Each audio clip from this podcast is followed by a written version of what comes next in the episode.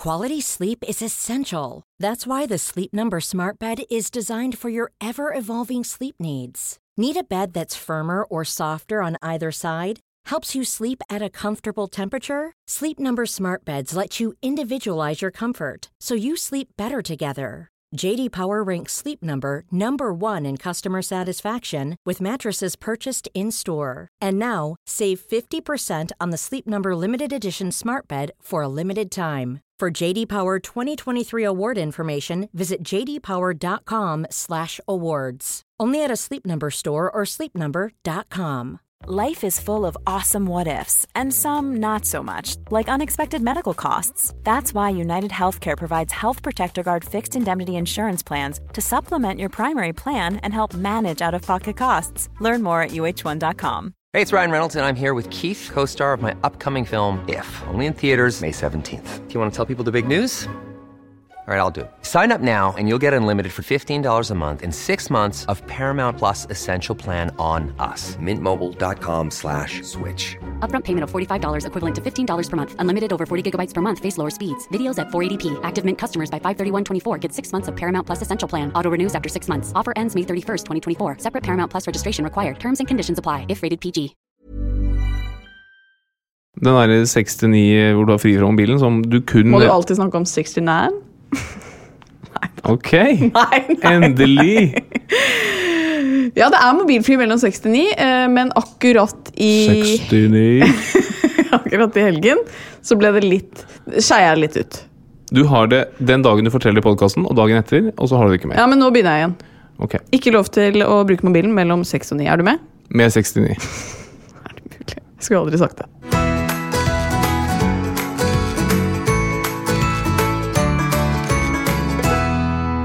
Og hjertelig velkommen til Åpen journal. Takk for det. Hvordan er livet, doktor Dobler? Litt uh, seig i dag. Ja, det hører man på stemmen din. Ja. Det var en tøff helg. Ja, vi kommer tilbake til det. Eh, men eh, vi skal snakke om litt andre ting enn din tøffe helg. For vi har jo tidligere snakket om avhengighet, og i dag så skal det handle om noe annet som er ganske tungt, og det er narkotika. Altså illegale rusmidler som det er lett å bli avhengig av. Eh, For hva er det med disse stoffene som gjør at man bare får så lyst på mer? Kan kokain gjøre deg bedre i jobben din, og hvor farlig er egentlig da kokain, GHB og LSD?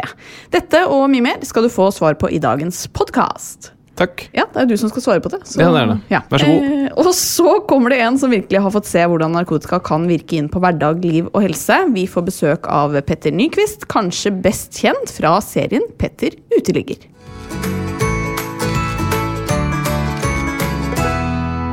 Vi skal altså snakke litt om eh, rusmidler i dag, Harald. Og du har jo kanskje fått din dose med alkoholinntak denne helgen? Ja, det er riktig. Vi var på guttetur, eller golftur som det heter. Så um, der er jo alkohol en forsvinnende liten del av det, sånn i utgangspunktet. Men, um, men det blir litt av det òg. Ja, Du sitter jo nærmest i fosterstilling, så du må jo forklare hvordan, eh, hvordan turen var. Den var veldig fint. Det var masse golf og god mat og god stemning. Ok. Eh, dere spilte jo golf fredag-lørdag, men på søndag ble det avlyst. Ja, det ble litt eh, seint på lørdag. Ja. Eh, vil du fortelle noe mer, eller vil du holde tilbake siden jeg er kona di? Uh, først og fremst vil jeg holde tilbake. Ehm, men det er jo, sånn fra et medisinsk perspektiv er det faktisk interessant hvor mange uh, Altså hvordan når du putter fire gutter sammen på en sånn tur, tur, hvor liksom alt av hjernekapasitet bare forsvinner. Okay. Så vi var f.eks. i butikken fire stykker på fredag og lørdag. Og vi rekker polsalget, vi rekker ølsalget, men vi glemmer å kjøpe frokost, glemmer å kjøpe lunsj, og glemte å kjøpe middag til eh, eh, lørdag. Er det sant? Ja. Hvordan er det mulig? Ja, det kan du si. Ja. Men det skjer et eller annet uh, når man kobler fire sånne nek sammen sammen til ett digert nek. Eh, men det jeg tenkte som, uh, som vi kan prate om, er jo dette med eh, når en av oss er på tur, hvor mye det liksom er innafor å ringe hverandre. Eh, Fordi der er jo sikkert dere fire guttene relativt forskjellige. Jeg vet ikke hvor mye ringte de andre gutta hjem til damene sine. Ikke så mye. Jeg tror nok eh, jeg leder der. Ok, ja, Hvor mye vil du si at de ringer eller sender melding? da? Nei, kanskje én til to i løpet av en helg. Én til to kontaktpunkter. Er det sant? Ikke en FaceTime hver Nei. morgen og hver kveld? Nei, Du får jo også FaceTime fra, på, midt på natten da, fra meg. Det er, er, det er overraskende tolerant. Ja, for det, det vil jeg også snakke litt om. Du facetimet jo meg klokken 05.40 eller noe sånt, natt til søndag. Som er veldig koselig, men da var jo dere dypt nedi en uh, ginflaske. Og det var ikke en veldig innholdsrik samtale fra deres side. Eh, og det er jo koselig for meg når jeg nå på en måte er alene, men, men når jeg får barn, og jeg sier jeg fordi jeg må sikkert passe den ungen en del når du er på guttetur, eh, da tror jeg vi må bare bli enige om at det der ikke er greit. Ja vel. Ja. Hva tenker du om det? Nei, det får være helt greit, det. Jeg tenker at det er veldig hyggelig å bli ringt. Det er veldig koselig, men jeg tenker at da kommer jeg til å bli vekket så mye av barnet. Ok. Men uh, syns du at du må ringe meg veldig mye i løpet av en helg? Ja. Du er ekstremt kontaktsøkende. Ja, men det er du òg. Ja, men jeg gjør det for å liksom begrense drive litt brannslukking på hjemmebane. ja. Folk lurer sikkert på hvor mange ganger vi snakker sammen da, når du er på tur. Hvor mange ganger snakker vi sammen nå? Ja, jeg tipper På lørdag, da, da var det lite. Da tror jeg vi snakket sammen på telefon fire ganger. Og så var det et par SMS-er. Ja. Du merka at det var lite, du òg? Ja, tenkte, vi tenkte mye på det. Fy faen. Jeg kjøper det ikke. Men du er som faren din. det er sånn Hvis ikke jeg svarer på en telefon og ringer tilbake over ti minutter, så får jeg en melding hvor det står Er det noe gærent med telefonen din? Det er deilig å få av svigerfar. Um, men uh, til tross for at du har vært på guttetur i helgen, så, og jeg sier til tross for, så skal jo du i dag få det som heter Snagels dag. Ja. Kan ikke du forklare folk hva det er for noe? Ja, Det er bare at eh, jeg har jo hatt en uh, Innimellom så har vi noe som heter bagels dag, for du er jo en bagel. Og da steller jeg godt med deg. Treretters middag. Eh, noe godt i glasset, litt, kjøper litt sånn dameblader og sånn. Og så avsluttes det hele med en illsint runde 69. Nei, det gjør det aldeles ikke. Å, herregud. Det gjør det ikke. Nei, det gjør ikke det. Nei. Men de første ingrediensene er med. Ja, de, de stemmer. Og før i tiden så var det sånn når du da hadde på deg litt sexy undertøy, Ja. da skjønte jeg at da blir det kanskje noe. Mens nå er jo det kun et uttrykk for at alle andre trusene ligger til vask. Ja, det er helt riktig. Men i dag er det altså Snagels dag, fordi du kalles jo av meg Snagel. Uh, som for sikkert mange nå virker litt sukkersøtt. Ja, Ja. Det, det gjør litt vondt å høre det. Ja, vi må bare beklage det. Men uh, du skal også få full middag i dag. Du sa tre retter. Jeg må på butikken etterpå, kjenner jeg. Ja. Fordi jeg må opp, opp en rett. Jeg skal ta på meg undertøyet uten bremsespor i dag. Du, Med tanke på hyggelig. Om det skulle være en aldri så liten dessert. Det er, det er noe til dessert, men jeg tror ikke det er det du, du ønsker deg at det skal være. Ja. Eh, men det skal du få, eh, og det er jo synes det er koselig. At når noen har hatt en litt tøff helg, så byr man på med litt eh, godt i glasset og en god middag. Så du kan glede deg til etterpå. Det er veldig raust. Og så tenker jeg at vi må ha en liten sånn oppdatering på graviditeten. Fordi eh, nå er jeg jo da Jeg husker jo aldri hvor langt jeg er på. Jeg er litt over fem måneder. Eh, og er for så vidt i veldig fin form. Ganske mye mer sliten enn før. Og sliter jo med liksom diverse ting. Eh, men det som er veldig gøy, er at du har jo fått det samme. Ja. Så jeg skjønner jo nå hva, hva man mener når man sier at vi er gravide. Fordi, folkens, jeg har jo nå fått halsbrann om kvelden når jeg legger meg. Og det har du også. Ja, men det har nok litt å si med den gutteturen. Ja. Altså, det, er, det var mye um, usunn mat, mye Ja. alkohol. Og min gode venn Fridtjof, som lager kaffe, han lager kaffe du kan uh, spise med kniv og gaffel. Han har jo aldri vært i et kjøkken i hele sitt liv. Ok. Så det er, disse tingene har nok spilt inn. Ja, for da vi skulle legge oss i går, så jeg kan jo ikke ligge på høyre side nå, for da får jeg halsbrann. Og da måtte du sitte for å sove, fordi du også hadde fått halsbrann. Eh, Og her om dagen så var jeg litt kvalm og hadde vondt i bekkenet. Hvem var det som også hadde litt vondt i ryggen den dagen? Harald Doblaug. Ja. Nei, det er en mann i forfall. ja, så her er det vi som er gravide. Jeg bare lurer på hvordan fødselen kommer til å gå, når du kommer til å få like vondt som meg. Og så har jo jeg fått ny jobb. Jeg bare snakker jeg, i og med at du ikke spør Ja, hvordan jeg har det. Hvordan, siste. hvordan har du det? Du, Tusen hjertelig takk, eh, ditt fyllesvin. Jeg har det bare bra. Um, Magen, Magen har det fint. familien. Familien. Men jeg har fått ny jobb. Jeg skal lede et uh, sommerprogram på TV 2 som heter Quizmaster. Kul! Ja, Du vet jo det, så du trenger ikke å late som at det er overraskende. Men, uh, men hva tror du om meg i et quizprogram? Jeg tror, jeg, jeg tror det vil gå kjempebra. Du er så flink. Hva er det med deg? Uh, hva mener du? Er du klein? Ja? Ja. Men du trenger ikke å Altså, du kan godt være ærlig for det. Å ja. Ja. Nei, Da tror jeg det kommer til helt middels. Nei. Men vi vet jo begge at ikke jeg er sånn veldig god i, i quiz. Det vet vi. Ja. Alle som hører på den podkasten, vet også det. Men det som er gøy, at du er ikke noe bedre du. Jeg, jo! Å ja! Det var det jeg håpet du skulle svare. For jeg har nemlig eh, forberedt en liten quiz til deg i dag. Siden jeg nå skal lede Quizmester på TV 2, så øver jeg meg her i dag og ser om du kan bli en quizmester. Takk. Ja. Um, er du klar? Jeg er veldig klar. Jeg kan jeg jeg få høre litt om temaet? Ja, jeg har valgt et tema som du er veldig glad i, og da kan du gjette hva det er. Da tenker jeg at det er eh, guttetur. Nei, Guttetur. ikke det. Eh, Et annet tema? Um, nei. Det er det eneste jeg kan. Ja, du, du, du, eh, vi kan vel si at du ikke er så glad i temaet, da. Ok, da tenker jeg geografi. Eller Sport. det er sport. Perfekt. Ok, Hvor mange spillere på et håndballag kan være på banen samtidig? Fem. Feil. Det er syv. Det kommer litt an på hva slags håndball det er. Ja, Er det femmer du snakker, Og du snakker om syverhåndball? ja, ja det er den jeg tenkte på. Ok, ja. Ja. Da er det syv. Eh, nevn et annet ord for pingpong. Bordtennis. Å ja, Den var veldig lett, men det hadde vært veldig gøy hvis ikke du klarte den. Hva heter megatalentet Braut Haaland til fornavn? Erling. Ja, veldig bra! Ja, takk. Ta, jeg poeng for å svare fort, sånn at jeg kan kompensere med feil svar med å svare fort? Eh, nei. Jo. Men det er økende vanskelighetsgrad der. ok? Hva heter de tre Ingebrigtsen-brødrene som er aktive i løping? Jakob. Mhm. Joakim og Jens. nei. Jakob var riktig. Han, han er, ja, er han Gjert, ikke sant? Far Gjert. Far Gjert, Får jeg ja. for han? Mm, Nei. Jakob. Jakob har løpt bra. Ja, si det sånn. Si de to andre navnene sånn. Christer. Nei. Du er helt krise. Ok, det var Philip Ja. og Henrik. ja. Ja. Det Eh, er riktig. det er riktig. bonusspørsmål. Jeg forventer ikke at du kan det, men hvor mange barn har Gjert? Han har, de har vel en, han en datter? Eller er det, tenker jeg nå på lillesøsteren til eh, Marcus og Martinus? Um, da gjetter jeg på at han har 26 barn. De har syv barn. Syv. Ja. Så langt, så ille, vil jeg egentlig si. Eh, og så, siste, jeg vil kanskje si vanskeligste spørsmål. Hvor mange kjegler benytter man i bowling? Her føler jeg meg faktisk kan dedusere deg fram til svaret. Eller hvis jeg kan det. Ja, du får ikke lov å tenke så lenge. Jo, for du har én, og så blir det to. Og så bak der har du tre, og bak der har du fire, og så har du fem. Én pluss to er tre, pluss tre er seks, pluss fire er ti, 15. Det er feil, det er ti bowlingkuler. Er det det? Eller hva heter det? Og du tenker på tierbowling?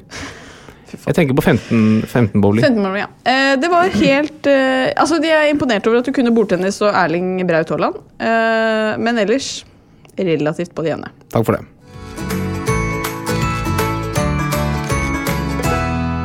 Vi har fått en annonsør, Harald.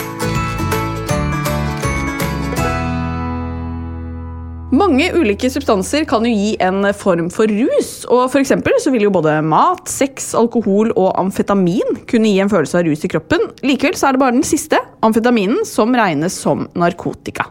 For hva er egentlig forskjellen da på et rusmiddel som alkohol, Harald, og narkotika? Yes, så eh, Narkotika det er jo stoffer som også kan gi rus og avhengighet. eh, men for at det skal være narkotika, så må det enten være ulovlig eller reseptbelagt. For alkohol det er jo et rusmiddel, men det er lovlig og ikke reseptbelagt. Altså er det ikke narkotika. Og Et annet ord for narkotika det er illegale rusmidler. Men noen legemidler er også illegale rusmidler, f.eks. morfin. For Hvis du forskriver eh, morfin, altså du får det forskrevet av lege, da er det ok. Men hvis du tar det for å få rus, da er det et illegalt rusmiddel, altså narkotika.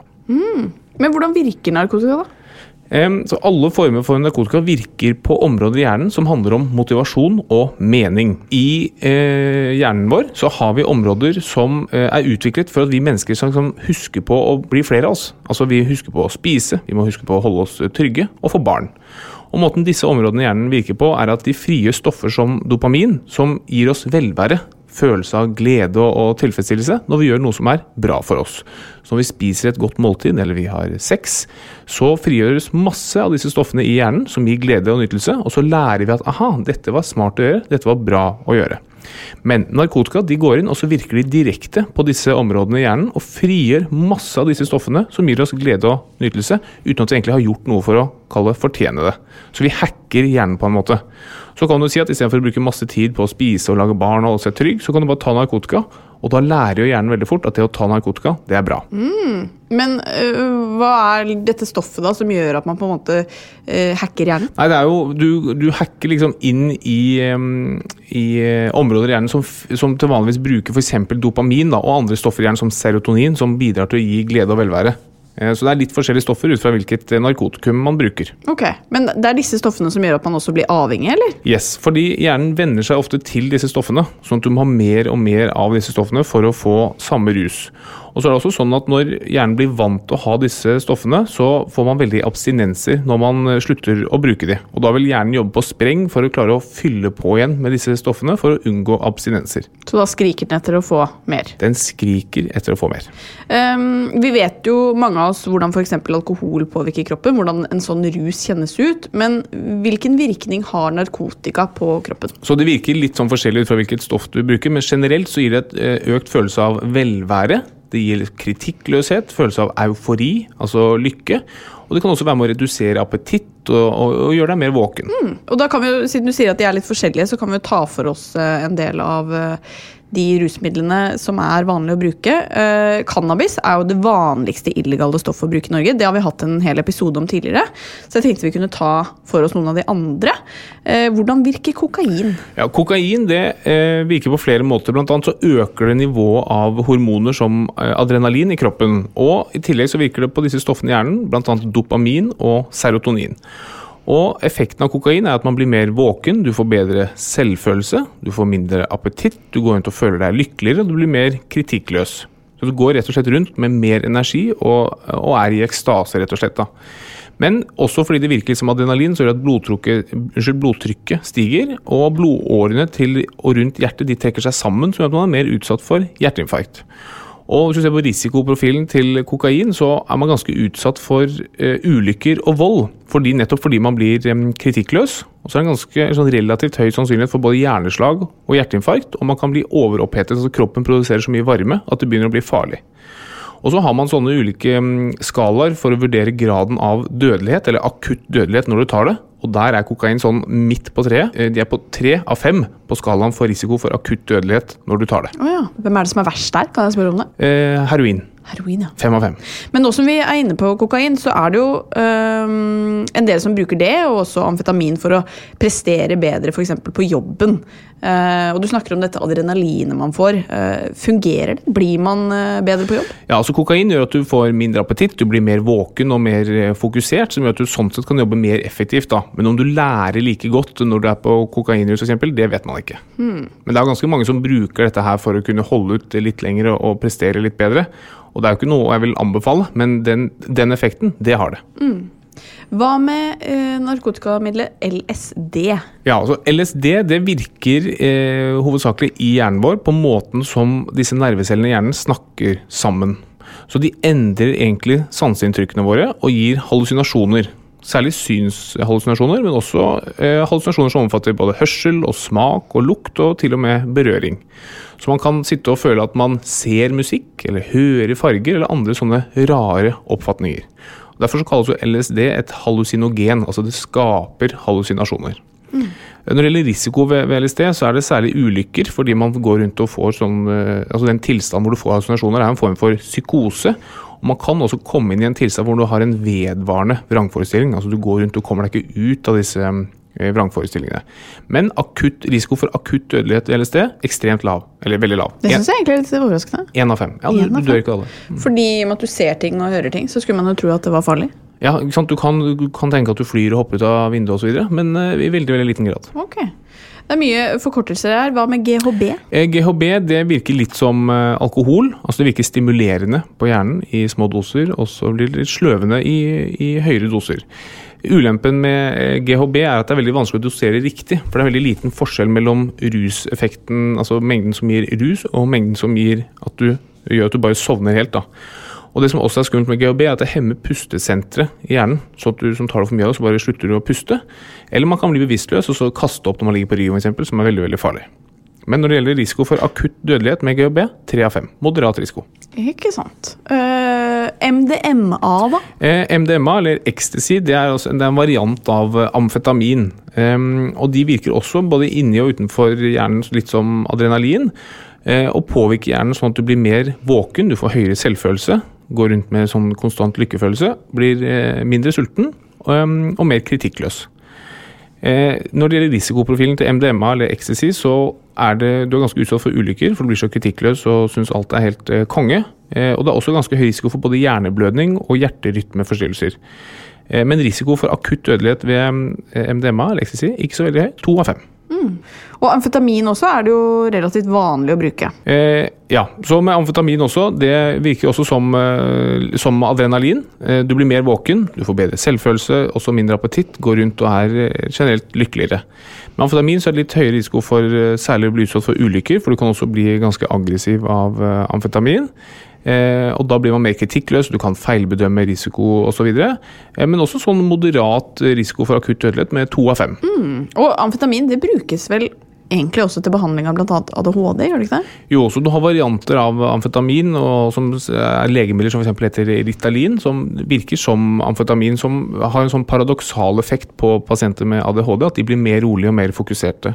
Og dette er en del som bruker som sånn study drugs, eh, særlig i USA, hvor du tar det for å kunne lese lenger, være mer fokusert eh, og kunne prestere bedre. Og så må vi over til det som kanskje er liksom verstingen, nemlig heroin. Ja, så heroin det er jo en type, samme type som, altså tilsvarende preparat som morfin, som kommer fra opiumsplanten. Eh, og, heroin det gir en sånn smertestillende virkning, og den virker både i og utenfor hjernen, og den gir sånn gledesfølelse og sløvhet og tretthet. Em, og det er nok absolutt blant de verstingene, for den blir man ekstremt eh, avhengig av. Men veldig farlig, da. Hvorfor blir man så avhengig? Det er nok flere grunner til det. Det ene er det at den virker såpass bredt både i og utenfor hjernen. Det andre er det at um, du har noen effekter som er ganske ettertraktet. Da. Det med sånn bare total gledesfølelse. Eh, helt eh, Altså all smerte, fysisk og sånn sett mental smerte, eh, forsvinner. Og så vender hjernen seg ekstremt fort til det. Sånn at når du har begynt å ta heroin, så blir abstinenssymptomene ekstremt kraftige. Da. Kroppen er veldig flink sånn at hvis du tilfører eh, mye stoff, altså f.eks. heroin, så, så nedregulerer kroppen eh, hvor følsom den er for stoffet. Så si at du har ti si at jeg og du har ti heroinreseptorer i kroppen. Etter hvert som du begynner å ta heroin, så blir det færre og færre reseptorer. Så det blir sånn åtte reseptorer, så fem reseptorer, så du må ha mye mer dose for å få det til. da. Problemet er bare at når heroin går ut av kroppen, så har du bare fem reseptorer igjen, ikke ti. Og da blir altså effekten som heroin gir, da får du det motsatte når du slutter å ta det. Altså Da får du mer smerter, mindre følelse av glede osv. Men du sa at heroin det har en risikoprofil på Fem av fem. Fordi eh, det som er så veldig skummelt med heroin, er at du hemmer pustesenteret. Mm. Det som også er med heroin, er selvfølgelig at det kommer jo mye tilleggsfaktorer. For eksempel, man, her i Norge så bruker man veldig mye sprøyter for å sette heroin. Og bruk av urene sprøyter for eksempel, har en veldig høy risiko for infeksjoner og, med f.eks. hiv. Eh, og veldig mange kombinerer jo de narkotiske stoffene vi har snakket om med alkohol. Hvordan vil den kombinasjonen egentlig være? Eh, Det som er Problemet med å kombinere det, er at det er veldig uforutsigbart. Du vet ikke helt hvordan eh, disse ulike rusmidlene virker når du tar det samtidig. I tillegg så kan man da hemme, sånn som har snakket om med pustesenteret. Hvis det da blir hemmet på flere måter, altså du har alkohol som kan hemme det, og så har du GHB i tillegg, så kan 1 pluss 1 bli 3. Og det kan være ekstremt farlig. Eh, og du har jo stått i et legevaktmottak du, og tatt imot folk som har tatt eh, mye av disse stoffene. Hva er din erfaring med disse pasientene? Eh, nei, det er ofte ganske plagete pasienter. Det, er jo, det kommer veldig an på. da. Altså, en ting er folk som tar kokain i helgene. Skiller seg veldig fra de som kommer inn med det vi kaller GHB-intox. da. Ja, hvordan da? Nei, altså, det finnes jo veldig mange velfungerende eh, brukere av narkotiske stoffer. Altså Sånn som bruken av eh, kokain eksempel, er jo ganske utbredt i visse miljøer. Og dette er folk som fungerer helt fint. Du vil jo ikke sette på det at de bruker eh, at de bruker kokain, mens f.eks. de som bruker heroin, har jo et liv som er mye mer preget kun av den bruken. Da. Heroin er jo et stoff du er nødt til å ta ofte flere ganger om dagen. Så det, imellom disse ruseffektene så handler det bare om å få seg mer heroin. Og dessverre så er det jo sånn at mange føres jo ut i kriminalitet eller prostitusjon for å klare å få kjøpt dette stoffet. Mm. men det er jo annet dine historier noen ganger som, som skremmer meg, av folk som kommer inn og, og har prøvd ting for første gang, eh, og som går inn i psykoser eller som blir akutt dårlig. Da. Fordi narkotika det romantiseres jo nesten i bl.a. musikkverden. Mange bruker jo argumenter eh, hvor de sier at ja, det kommer jo fra naturlige substanser i naturen. Eh, hva tenker du om det? Altså Jeg tror jo narkotika har vært medvirkende til mye kunst, og mye, sikkert mye bra kunst øh, opp igjennom. Eh, Men samtidig syns jeg absolutt ikke det burde romantiseres. Og dette, dette her med at det er naturlig forekommende, det syns jeg er verdens dårligste argument. For du kan jo samme samme kan du si med blåsyre eller cyanid. Altså naturlig forekommende, men du dauer jo bare du ser på det omtrent. da. Det man skal huske på er at Når du lager et legemiddel, f.eks. paracetamol, da, så finner du et eller annet stoff. Ofte så baserer det seg på et eller annet som finnes i naturen. Eh, og så klarer du å finne ut hvilket av disse stoffene er det som har så god effekt, og så eh, renser du sånn at du lager en pille med kun det ene stoffet, f.eks. paracetamol. da. Mens folk tenker at nei, det er kjemisk framstilt og dette er farlig, så det er mye bedre å tygge på et eller annet blad som kanskje kan inneholde bitte, bitte lite grann paracetamol, som, som gjør det smertestillende. Så jeg syns det er et veldig dårlig argument at det er naturlig forekommende. Ja, men vi har jo snakket om at eh, de stoffene gir eufori, nytelse og lykke, men, men de negative effektene de kan også være store. Altså Helt åpenbart, å, å se på hva narkotika gjør med samfunn, det er- jo helt eh, forferdelig. Men jeg, jeg tror ikke man skal stikke under en stol at det er jo det er, så, altså, det er åpenbart mange positive effekter ved narkotika. Det er derfor det er så utbredt. Men, eh, men det er et enormt folkehelseproblem i hele verden. Hva vil du si da til de som lurer på om de har et problem med narkotika, eller om noen rundt de har det, og de ønsker å komme seg ut av den avhengigheten? Jeg tror Hvis du lurer på om du har et problem med narkotika, så har du nok et problem med narkotika. Og det finnes heldigvis eh, mye og god behandling for å komme seg ut av det. Og jeg tror et bra første sted å starte er å snakke med legen din. Det høres ut som et uh, fint sted å starte. Um, da har jeg i hvert fall fått rydda opp i litt forvirring rundt alle disse GH, LO, BH BH, faktisk. det var så mye forkortelser for meg, men BH har vi ikke vært innom. Det har vi ikke vært innom. Nei, men det kommer kanskje i kveld? Nei.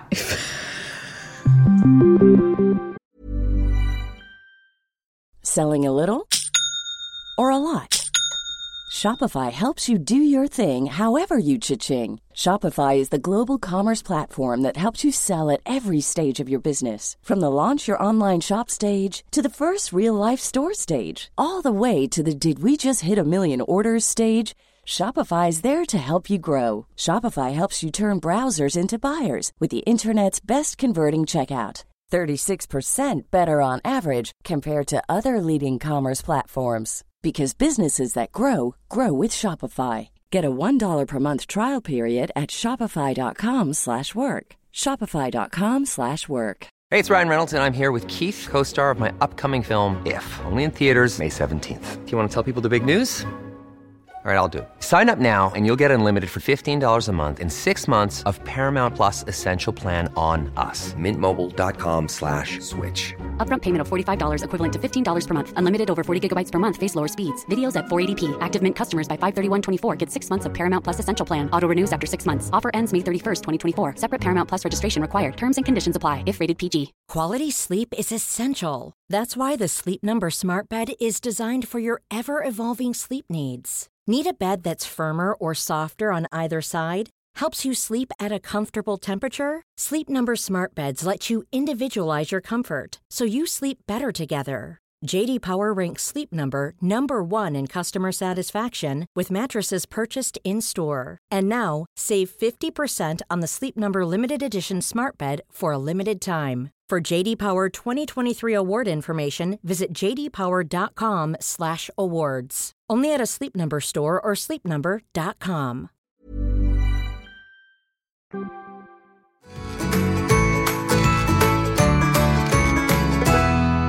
Ukens gjest er en mann som i 2015 for alvor ga oss nordmenn et innblikk i hvordan det er å leve livet på gata, og det gjorde han i serien Petter uteligger. Og siden den gang så har han laget eh, mye TV med mye mening til vår eh, store glede og nytte. Velkommen, Petter Nyquist. Tusen hjertelig takk. Veldig hyggelig at jeg får komme.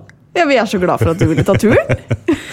Det er bra. Det er hyggelig å se folk igjen. Ja, Ja. fordi eh, da vi møttes her ute, så måtte vi liksom si hei med sånn eh, Hva sier man? Handshake med footshake? Ja. ja. Tok liksom foten inntil hverandre. Du er egentlig en klemmer, ikke sant? Jeg er veldig klemmer. Hvordan er dette for deg? Det er veldig vanskelig. men eh, som alle andre så må jeg bare venne meg til det. Mm. Så, men eh, jeg håper vi kan klemme snart igjen. Da. Ja. Det er, eh, alle er glad i en klem, tror jeg. Håper jeg. Altså, Absolutt. Vi er jo veldig klemmete. Absolutt. Vi klemmer litt, da. Vi kan jo klemme på hverandre, da. Ja, det Både her og der. Unnskyld meg, Harald. det håper jeg. Men hvordan er det med deg om dagen? Jeg har det veldig bra. Det, jeg syns nå det. Jeg synes det har eh, Det har jo vært som for alle, tror jeg, litt sånn uh, merkelige tider. Det er jo ikke noe å legge under en stol. Men, uh, men nei, nei, jeg prøver å velge å se noe bra i det. da. Jeg tror det kommer noe veldig godt ut av den perioden vi har vært inne i. Altså sånn, I hvert fall sånn samholdet mellom mennesker. Det har blitt veldig sterkt, og den dugnadsånden. Og folk som vil bidra og hjelpe til, og det syns jeg er veldig kult. Og så har jeg, bortsett fra å ha vært eh, jævla frustrert til å være barnehageassistent og lærer, ettersom jeg har to barn, så, som byr på visse, eller har bydd på visse utfordringer, så syns jeg det har vært noe fint der òg. Altså, jeg har fått spist eh, frokost og lunsj med barna mine nesten hver dag i den der verste perioden, og det har vært kjempehyggelig. Så har vi fått vært eh, masse på tur i marka også, så det syns det har vært bra, sånn sett. Ja, ja, det har Ja. vært mye fint med det òg. Ja. Hvilket fag er du best i når du har eh, vært lærer på hjemmebane? Du, det var faktisk eh, hva slags, Er det historie, blir det vel? Jeg har jo ikke artium engang. Men eh, det var forrige dagen så gjorde jeg lekser med Ingrid. Hun er da syv år, snart åtte. Går i andre klasse. Og da, var det, da la jeg faktisk ut en post på Instagram, fordi det var om oppdagere. Og da var det ett kapittel her, eller to sider, som var om uh, Thor Heyerdahl og Kon-Tiki. Og da skrev jeg endelig en eh, lekse som pappa syns er ålreit å hjelpe til med. Ja, det var eh, av interesse for deg. Veldig. Ja. Men du, vi har jo snakket om um, narkotika i dag som tema for denne podkasten. Uh, du er jo en av de som virkelig har fått se på nært hold da, hva narkotika kan gjøre med livet til folk. Eh, hvordan har du opplevd det? I starten, kan du si, på det første øh, prosjekt som du nevne, nevnte innledningsvis altså, Jeg har jo vært borti det før, det er ikke det, men det å liksom komme inn på et hospits eh, som kanskje ikke ser så veldig bra ut, eh, og det ligger litt sprøyter rundt omkring og rester av blod og det ene og det andre, så var jeg jo jævlig skeptisk, må jeg innrømme. Jeg var livredd for å sette meg på noe også. Eh, men etter hvert så har jeg blitt ganske vant til det. Eh, Jeg husker første gangen jeg skulle se noen liksom eh, injisere heroin, eller hva enn det var, så var, det liksom, var jeg engstelig og redd. Eh, Jeg var redd for kanskje det skulle skje noe. Eller kanskje at noen var i en eller annen feil rus og skulle gjøre noe med meg. Jeg vet ikke. Eh, Men etter hvert så har det holdt jeg på å si, har det blitt ganske normalt. Jeg har sett en del av det.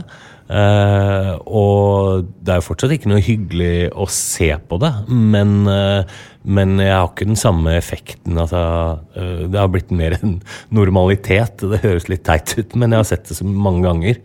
Så, og, og så er det jo folk som noen er kanskje litt mer hensynsløse, de som er ute. Det kommer sikkert an på hvor rusa de er, hvilken alder de er også.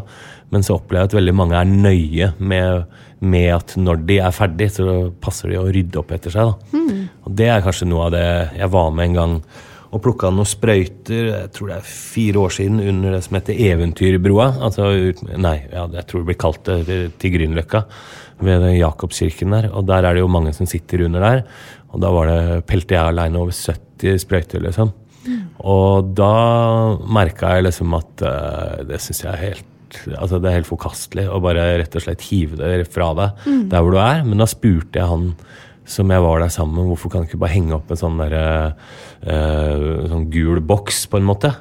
Men da, ut fra det han sa, så mente han at kommunen da sendte en signal om at her har du lov til å ruse deg. Men eh, jeg veit ikke. Altså, de, de som skal russe seg, de gjør det uansett. Og da tenker jeg det er bedre det enn at jeg ønsker ikke at verken barna eller mine eller andres barn eller eh, dyr eller hva det måtte være, skal være uheldig og tråkke på noe eller komme borti det. da. Men det som vi ikke har snakket om i dag, det er at dette er eh, den debatten som går rundt legalisering. Altså gjøre det lovlig. da. Har Mm. du fått noe Blitt mer eh, for å gjøre det lovlig? Eller Altså, at det er jo burde- forskjellige varianter av det. det er jo, mye har lenge vært vedrørende liksom, cannabis. Eh, Det andre har vært liksom, eh, heroinassistert eh, behandling, sånn som sprøyterommet. Og det syns jeg er helt kult at de kan ha. Det er jo lov til å komme på sprøyterommet og injisere, og gjøre det under kontrollerte former. Så hvorfor skal de ikke da kunne få røyke det der, som har vært tema veldig lenge?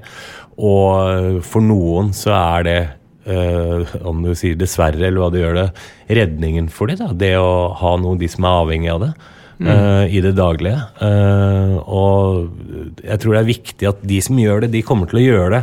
Uh, og da kan man heller jobbe skadereduserende. Da. Ikke sant? For Det er det som er litt eh, debatten her. Det er det det går på. Ved å Mm. sette opp en gul boks så sier du at det er greit, eller sette opp et sprøyterom. Er Ja. du med å fasilitere det, eller skal man heller bare si at eh, skaden er skjedd, nå gjelder det å redde det man kan? Det er ganske vanskelig eh, Mm. Ja, diskusjon. Det er, det er veldig vanskelig, og så finnes det sikkert også masse argumenter mot altså Er det da lettere tilgjengelig, eller fristelsen kort for å prøve, da? Eh, men eh, ja, det kan jo være mennesker som er sårbare, men der tenker jeg vi må jobbe mye mer aktivt igjen eh, fra tidligere alder, så folk kanskje de som kanskje er ekstra nysgjerrige, ikke velger å prøve det. Men det er, det er så komplisert og sammensatt, hele den tematikken der. Ja, eh, og, og der nevner du noe, for at veien på en måte er jo kanskje kortere enn man tror noen ganger. Fra at man begynner å teste litt, ikke sant, eh, til at man virkelig blir avhengig. da. Eh, hva tror du er liksom grunnen til at noen klarer å leve et helt vanlig familieliv og ha en jobb, mm. og være ganske heftig avhengig av narkotika, til de som havner ute på gata? Det er også sammensatt. Det er vanskelig å gi et enkelt svar, tror jeg. Men uh, noen klarer å fungere og trenger sin daglige dose. Jeg har vært med veldig mange og som har initiert liksom eh, Gud veit hvor mye, men sikkert for eh, en del tusenlapper hver dag, hvor du ikke kan se på de at de er rusa engang. Men det er det som skal til for å, at de skal føle et velbehag. Da. Eh, og jeg vil jo si at for veldig mange så er det jo en sykdom. Eh, og hvis det er det som skal til for at de skal fungere i sin hverdag, så, så tenker jeg da, er det jo for så vidt greit. Så lenge man forholder seg til eh, en del restriksjoner rundt det. Men så er det jo også mange som jeg opplevde både når jeg var i fengsel her for nå er det to år siden, men også flere i gatemiljøet er jo folk som har kanskje hatt en traumatiserende barndom. Ting har starta veldig, veldig tidlig. Og det blir litt sånn klisjéaktig, men det er en flykt fra alle følelser og alt egentlig jevnlig. Men det er vel kanskje de som mer er kanskje mer Eller ruser seg kanskje heftigere, da. Men det blir jo bare en sånn merkelig livsstil hvor alt dreier seg bare om å få tak i neste dose, liksom. Og det, det er så heftig jobb, og hvordan det påvirker alt rundt deg, både med deg sjøl, din egen helse, både psykisk og fysisk, men ikke minst alle de andre rundt. Da, familie, venner, eh, situasjoner som du kan havne opp i, som du kanskje ikke hadde ønsket, hvor du plutselig så har du blitt en eh, gjerningsmann på en eller annen måte. da. Så det er eh, Nei, det er eh, det, det fører med seg veldig mye dårlige ting. Så enkelt kan man si det. Det Ja, kan vel ja, ja. alle si seg enig i, Ja, egentlig. Og det er jo litt sånn i forhold til legalisering. Mye av problemene som medfølger dette her, er kriminaliteten. da. Så man må, man må rett og slett bli kriminell for å klare å ha råd til det. For det brukes jo ganske mye penger. altså Disse tunge heroinistene bruker jo veldig veldig mye penger i løpet av et år.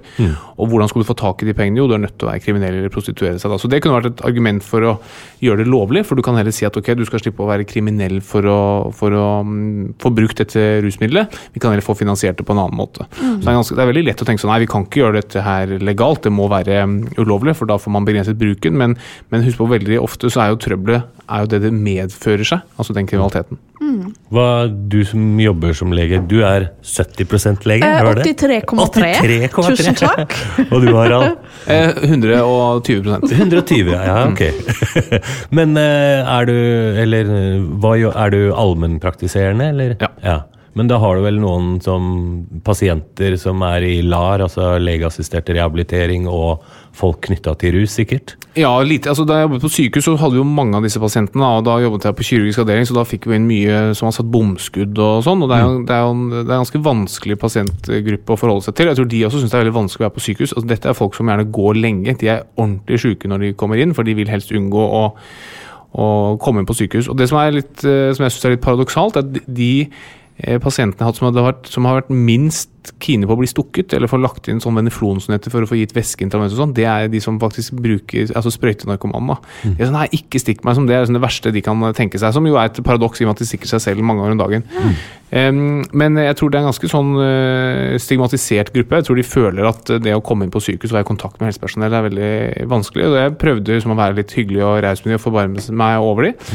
Em, og du, du skjønner liksom all elendigheten som, eh, som det medfører seg. sånn at når du kommer til om jeg jeg ville ønske at det var legalisert, så jeg tror nok jeg ville falt på nei. Men jeg, men jeg skjønner liksom at eh, det er så utrolig komplisert, da. Men når man ser det fra fra hvert fall sånn legeståsted, så tenker du at her, vi må begrense det. Vi må bare sørge for at færrest mulig blir narkomane. Og da er liksom det første og beste trikset da er selvfølgelig å gjøre det og holde det illegalt. da.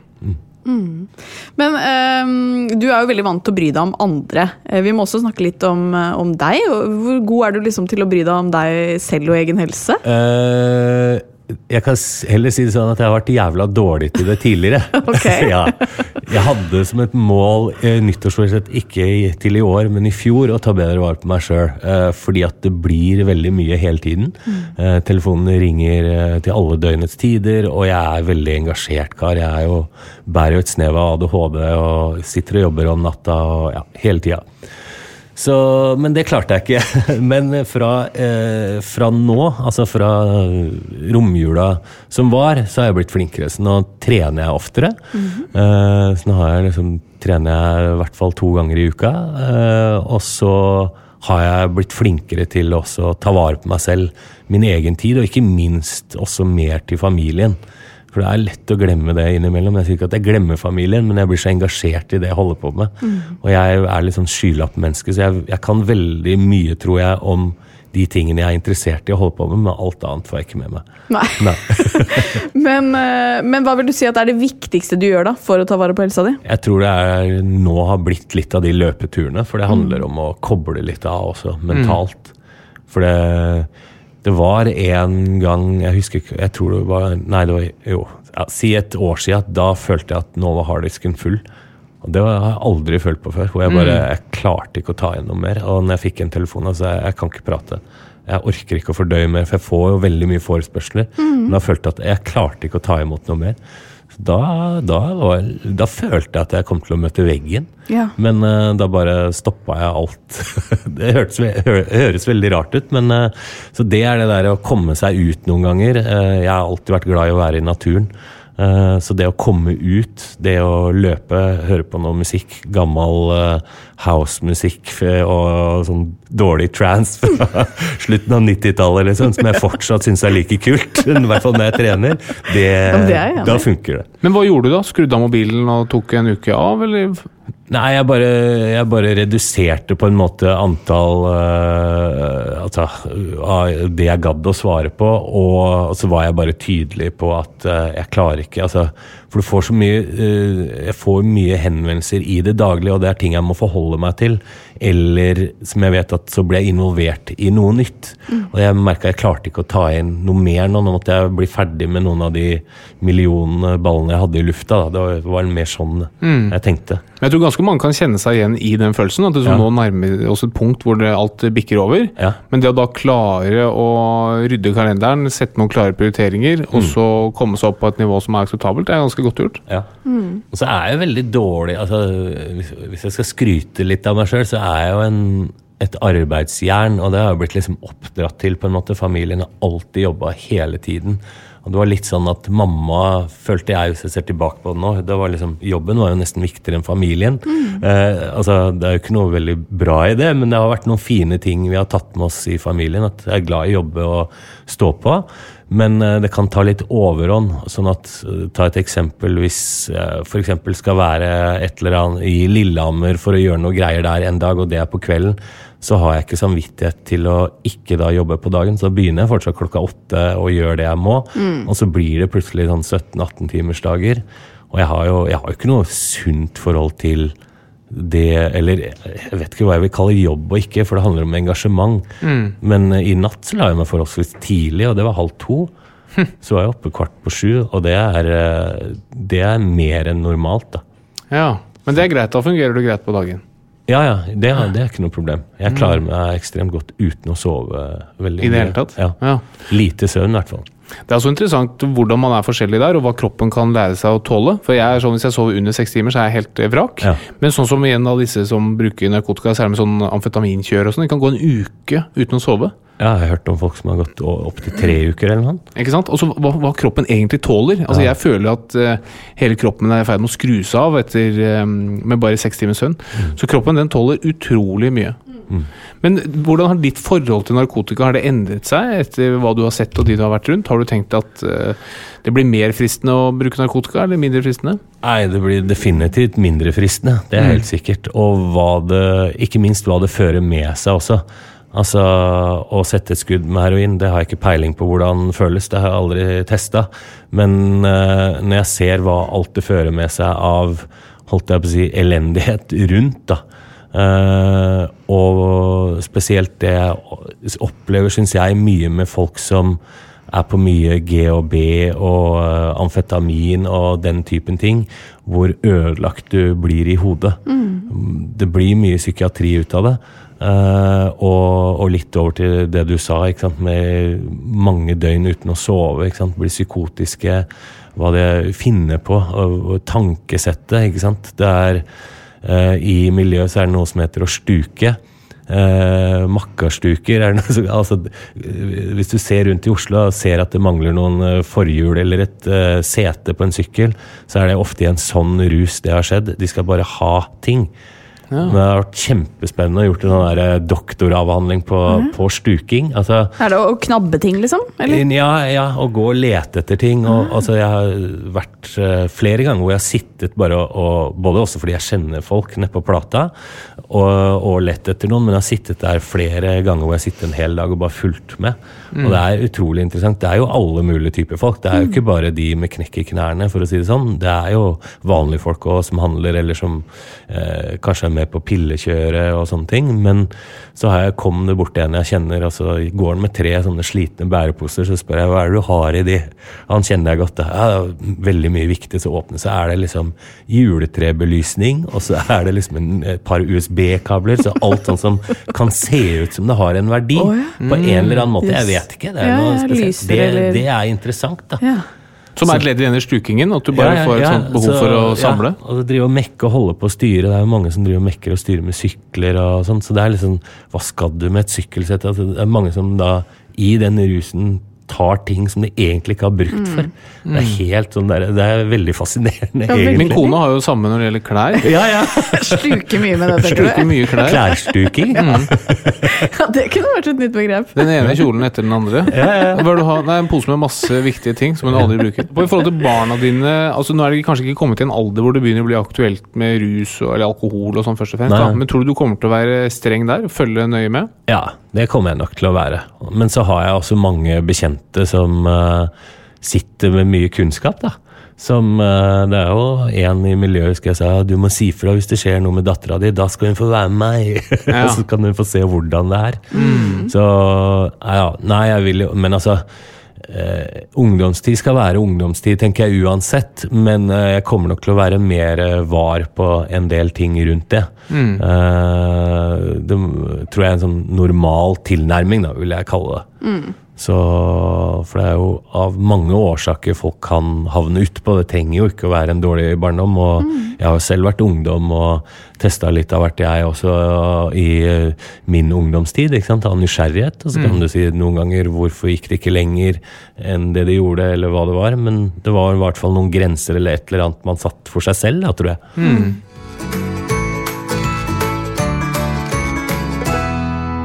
Nå er vi veldig spente på quizen, Harald. Ja. Ja. Da setter vi i gang med ukens quiz.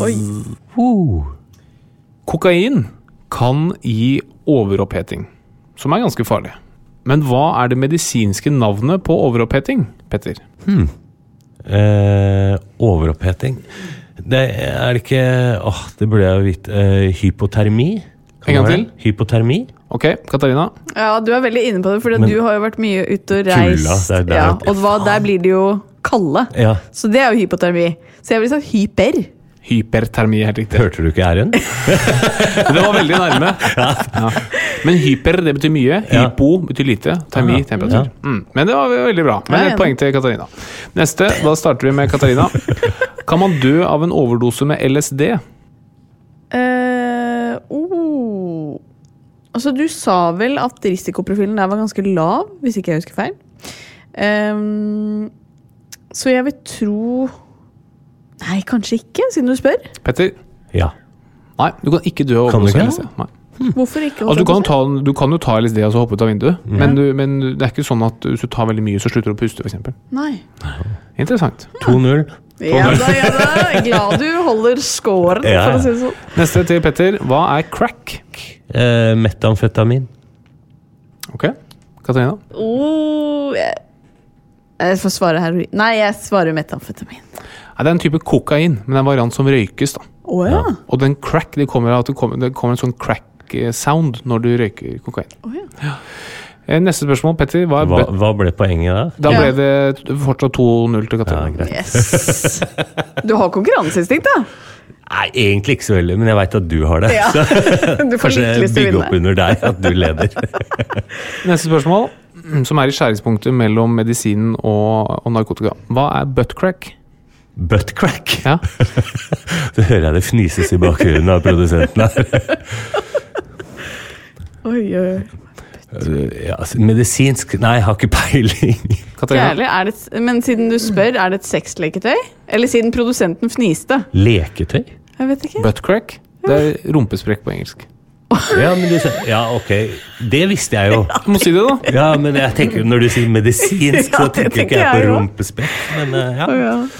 Buttcrack. Jeg har ikke en buttcrack hjemme i lekerskuffen, for å si det sånn. Du har en i buksa di, Ja, det har jeg. Har du rørleggerspekk? ikke sant? For der, nå er vi på det spørsmålet. Oh. Er plumbers crack den engelske betegnelsen på rørleggersprekk? Petter? Nei, det tror jeg ikke. Katarina? nei. Jo, den er faktisk det. Er det det? Plumbers Det crack. blir veldig sånn norsk-engelsk oversettelse. Ikke sant? Litt sånn um, uh, det julekalendervariant. Ja, ja. 2-0 fortsatt, da. 200 fortsatt. Yes. Neste spørsmål. Hvor kommer ordet narkotika fra? Katarina? Oi, aner ikke. Har det noe med rus å gjøre? Jeg sier at det har noe med rus å gjøre. Petter? Jeg har ikke peiling. Det kommer fra ordet narkosis. Dyp søvn. Som er en form for rus. Ikke en form for rus, det er en form for dyp søvn. Eh, neste spørsmål. Petter, hva, Ja. hva er det mest brukte ulovlige rusmiddelet i Norge? Eh, mest brukte ulovlige? Cannabis, tenker jeg. Katarina? Ja. Veldig bra. Poeng til begge to. Det er, det er absolutt, Nå fikk jeg i hvert fall eh, ett poeng. Da. ja. Veldig bra, da, Petter. Da er det 3-1. Neste spørsmål. Hva er det nest mest brukte rusmiddelet? Petter. Illegale? Ill illegale Ja. rusmidler i Norge. Illegale? Uh, nei, jeg vil si, uh, si uh, kokain. Vil- Ja, kanskje kokain. Ja, men jeg sier uh, heroin, jeg. Amfetamin. Amfetamin. Amfetamin. ja. Mer vanlig kokain? Ja, det er enig i det at det høres litt rart ut. Det kan jo være at, eh, at forskningen her er eh, litt tynn. Men det er det som sies at det er nest mest brukte illegale rusmiddelet i Norge. Ja. Amfetamin. Neste spørsmål, Petter. Tror du narkotikabrukere spøkefullt skiller mellom amfetamin og amfetadin? Nei. Det tror du ikke. nei. Nei, men de burde gjort det, for det er jo en veldig morsom spøk. Ikke sant? Ja. Ja. Men svaret jeg, tror, jeg tror det er riktig. Nei, de har nok ikke. De har nok ikke samme. To poeng. Ja, tre. Tre, to. tre to, 3-2, da. Neste spørsmål. Hva slags varm drikke går det mest av på Plata i Oslo? Katarina. Kaffe? Ok, Petter. Uh, jeg ville tro det var kaffe, men uh, det kan nok være uh, kakao. Riktig svar er sprøyte. Fy faen, den var dårlig. Det, det er tynt. Det er tynt. Ja, det er tynt. Ja, det er tynt. Neste spørsmål. Hvilket land står for uh, størsteparten av verdens opiumsproduksjon? Petter. Colombia? Katarina. Oh, ja, det vil jeg kanskje si. Mexico. Afghanistan. Ja. oh, ja. Eh, neste. Hvor kommer ordet heroin fra? Katarina. Uh, ja, det er et eller annet med heroisk. Petter. Eh, jeg sier pass, jeg har ikke peiling. Det er helt riktig. Hæ?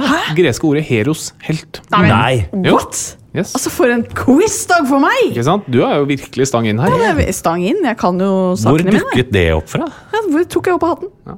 Det er utrolig hva som ligger i den hatten. Nå er jeg kjørt. Nå, Nå jeg kommer jeg ikke til å vinne det her, for å si det Vi sånn. har to spørsmål igjen å klare det på. Ja, okay. Petter, hvor mange prosent av Norges befolkning sier at de har prøvd heroin? Uh, 3 Katarina? 0,3 prosent. Litt over 1 prosent. Litt over 1 Så, Så du jeg var nærmest. Ja. Katarina var faktisk nærmest. Men neste spørsmål her kan være at du tar den, eh, Petter. Da kan han få, han kan få fem poeng. Ja, Ja. ja. Fem poeng. Eh, I hvilket land brukes det mest narkotika? USA. Katarina? ja, det ville jeg kanskje sagt, jeg også. Men eh, for at det skal bli litt spenning her, Ja. så sier jeg du, du, du, du, Brasil. I Rusland. Nei! Takk for meg. Har du ikke svaret på det? Altså, det var svaret. jeg var ute etter. Å, fy fader. Ja, skjønner du hva jeg mener? Ja. At dette er en veldig useriøs quiz? Ja, jeg var glad jeg ikke vant, jeg. Ja. det er bare, det er bare teit. Nei, men eh, seier eller ikke, så var det jo veldig hyggelig å ha deg her, eh, Petter. I like måte. Veldig hyggelig å få være her. Eh, før vi avslutter, så pleier Harald å komme med et helsetips. Eh, er dette helsetipset noe Petter kan bruke, f.eks.? Eh, ja, kanskje litt eh, for seint. Eller han vet det allerede, men okay. eh, absolutt. Altså, Ukens helsetips det er å ikke begynne med narkotika. Ja. Det sparer deg selv og andre for mye trøbbel. Eh, men som en solidarisk og diplomatisk type jeg er, så legger jeg til at hvis du skal prøve narkotika Hvis du skal, anbefales ikke du skal gjøre det. Så skal du gjøre det edru, altså ikke blande det. Du skal gjøre det sammen med noen du er trygg på, og du skal ha gjort litt research på forhånd. Ja. Er ikke det en litt sånn grei diplomatisk måte å si det på, Petter? Jo, det er det jo. Men hvor mange som faktisk gjør det, det, det er en annen sak. Det er- altså, oi, nå skal jeg lese meg opp. ja. Og sette meg ned edru i stua. Ja. Men, eh, men det er i hvert fall en eh, sterk anbefaling fra meg. Gjør litt research, gjør det trygt, og ikke bland det med noe annet. I hvert fall de gangene du skal prøve det. Veldig hyggelig å ha deg på besøk, Petter. Eh, tusen takk for at du tok deg tid. Veldig hyggelig å få komme. Så gleder vi oss til å følge deg videre. Nå har du vært på gata og i fengsel. Hva blir det neste? Eh, nå holder jeg på å ferdigstille et idrettsprosjekt. Så det er om folk som eh, faller utenfor av forskjellige grunner, hvor idretten kommer inn og du kan bli mer delaktig og fylle dagene med noe. Kult. Så det er kjempespennende. Så bra. Da gleder vi oss til det. Ja. Da er vi tilbake neste uke. Vi snakkes! Hei, hei! Hei! Plan B. Hey, it's Paige DeSorbo from Giggly Squad. High quality fashion without the price tag. Say hello to Quince. I'm snagging high-end essentials like cozy cashmere sweaters, sleek leather jackets, fine jewelry, and so much more. With Quince being 50 to 80% less than similar brands. And they partner with factories that prioritize safe, ethical, and responsible manufacturing. I love that. Luxury quality within reach. Go to quince.com slash style to get free shipping and 365 day returns on your next order. Quince.com slash style.